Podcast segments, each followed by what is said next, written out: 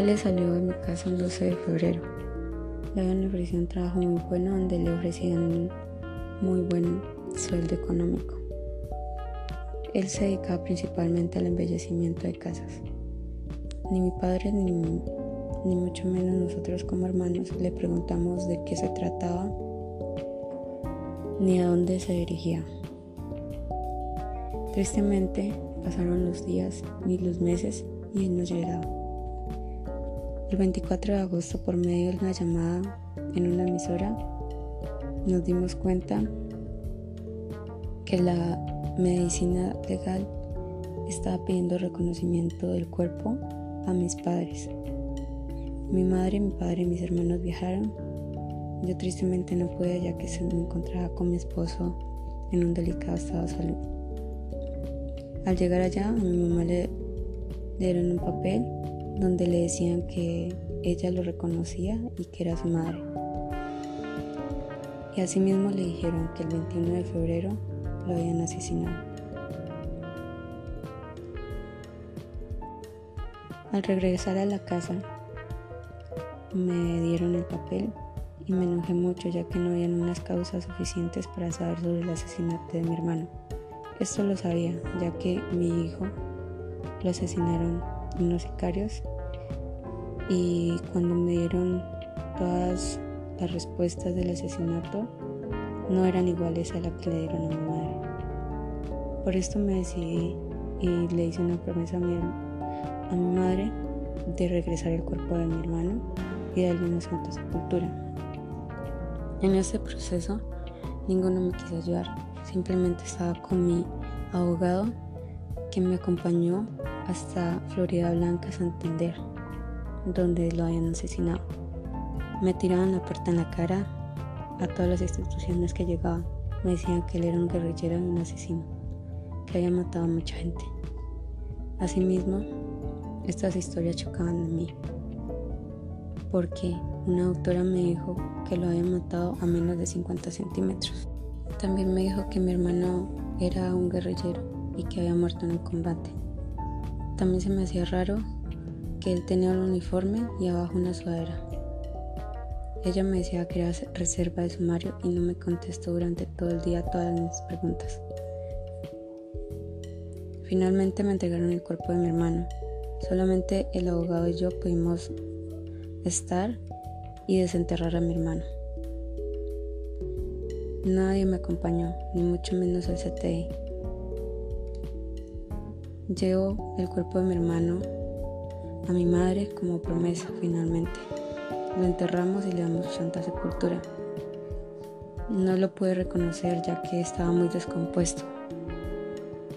Finalmente, durante el proceso que duró cinco años en la justicia militar, el crimen fue confesado ante la justicia ordinaria.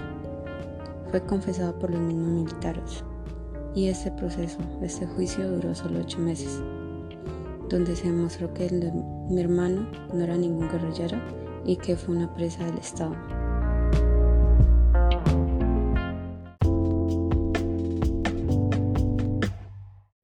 Lo grababas, jeje, Bueno, ahí ya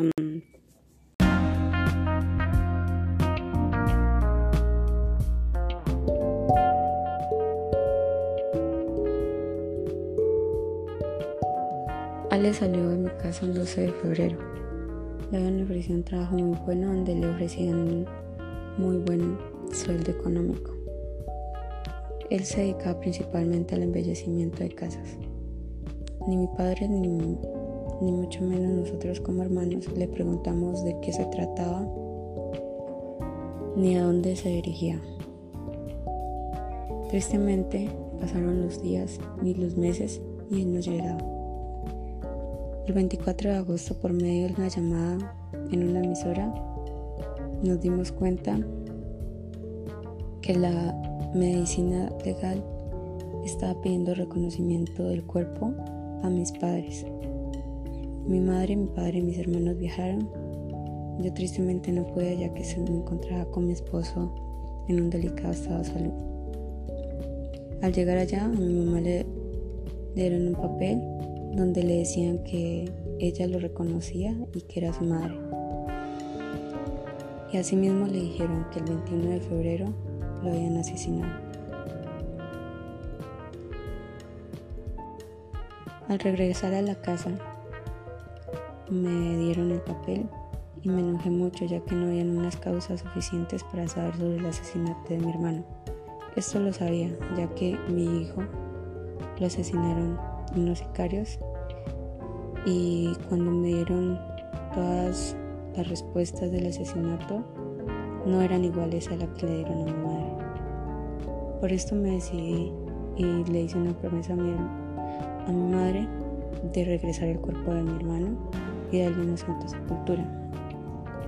En ese proceso, ninguno me quiso ayudar. Simplemente estaba con mi abogado que me acompañó hasta Florida Blanca, Santander, donde lo habían asesinado. Me tiraban la puerta en la cara a todas las instituciones que llegaban. Me decían que él era un guerrillero y un asesino, que había matado a mucha gente. Asimismo, estas historias chocaban en mí, porque una doctora me dijo que lo había matado a menos de 50 centímetros.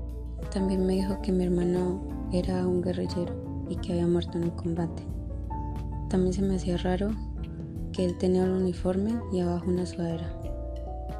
Ella me decía que era reserva de sumario y no me contestó durante todo el día todas mis preguntas.